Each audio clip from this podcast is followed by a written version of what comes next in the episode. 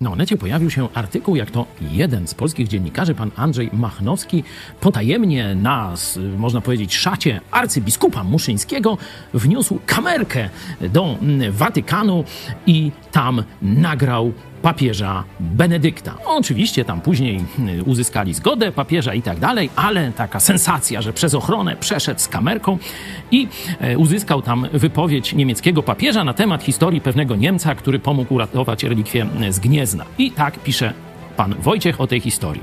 Uważam, że w chwili moich narodzin dostałem zadanie od opatrzności, by tę historię nagłośnić. Czyli on misję swojego życia, zadanie od Boga, od opatrzności, to jest, żeby tę historię na, nagłośnić. I dalej. Najpiękniejsze było to, że papież Ratzinger osobiście ten film obejrzał, co skomentował w swoim liście, a ja poczułem się tak, jakbyśmy spotkali się w twarzą w twarz.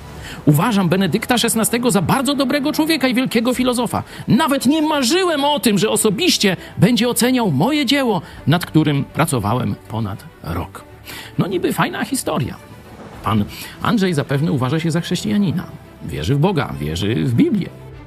A mówi, że Bóg dał mu takie zadanie, żeby zrobić film o jakiejś relikwii i że pochwała od papieża jest najważniejsza. Panie Andrzeju, i to też mówię do każdego, który taką wiarę dziwaczną, czy kult jednostki, czy odrzucenie biblijnych nakazów samego Jezusa Chrystusa uprawia. Proszę otworzyć sobie Dzieje Apostolskie, pierwszy rozdział, ósmy werset. Tam są słowa Jezusa do każdego chrześcijanina. Ale weźmiecie moc Ducha Świętego, który stąpi na was i będziecie mi świadkami w Jerozolimie, w całej Judei i w Samarii i aż po krańce ziemi. Czyli dzisiaj ta misja trwa.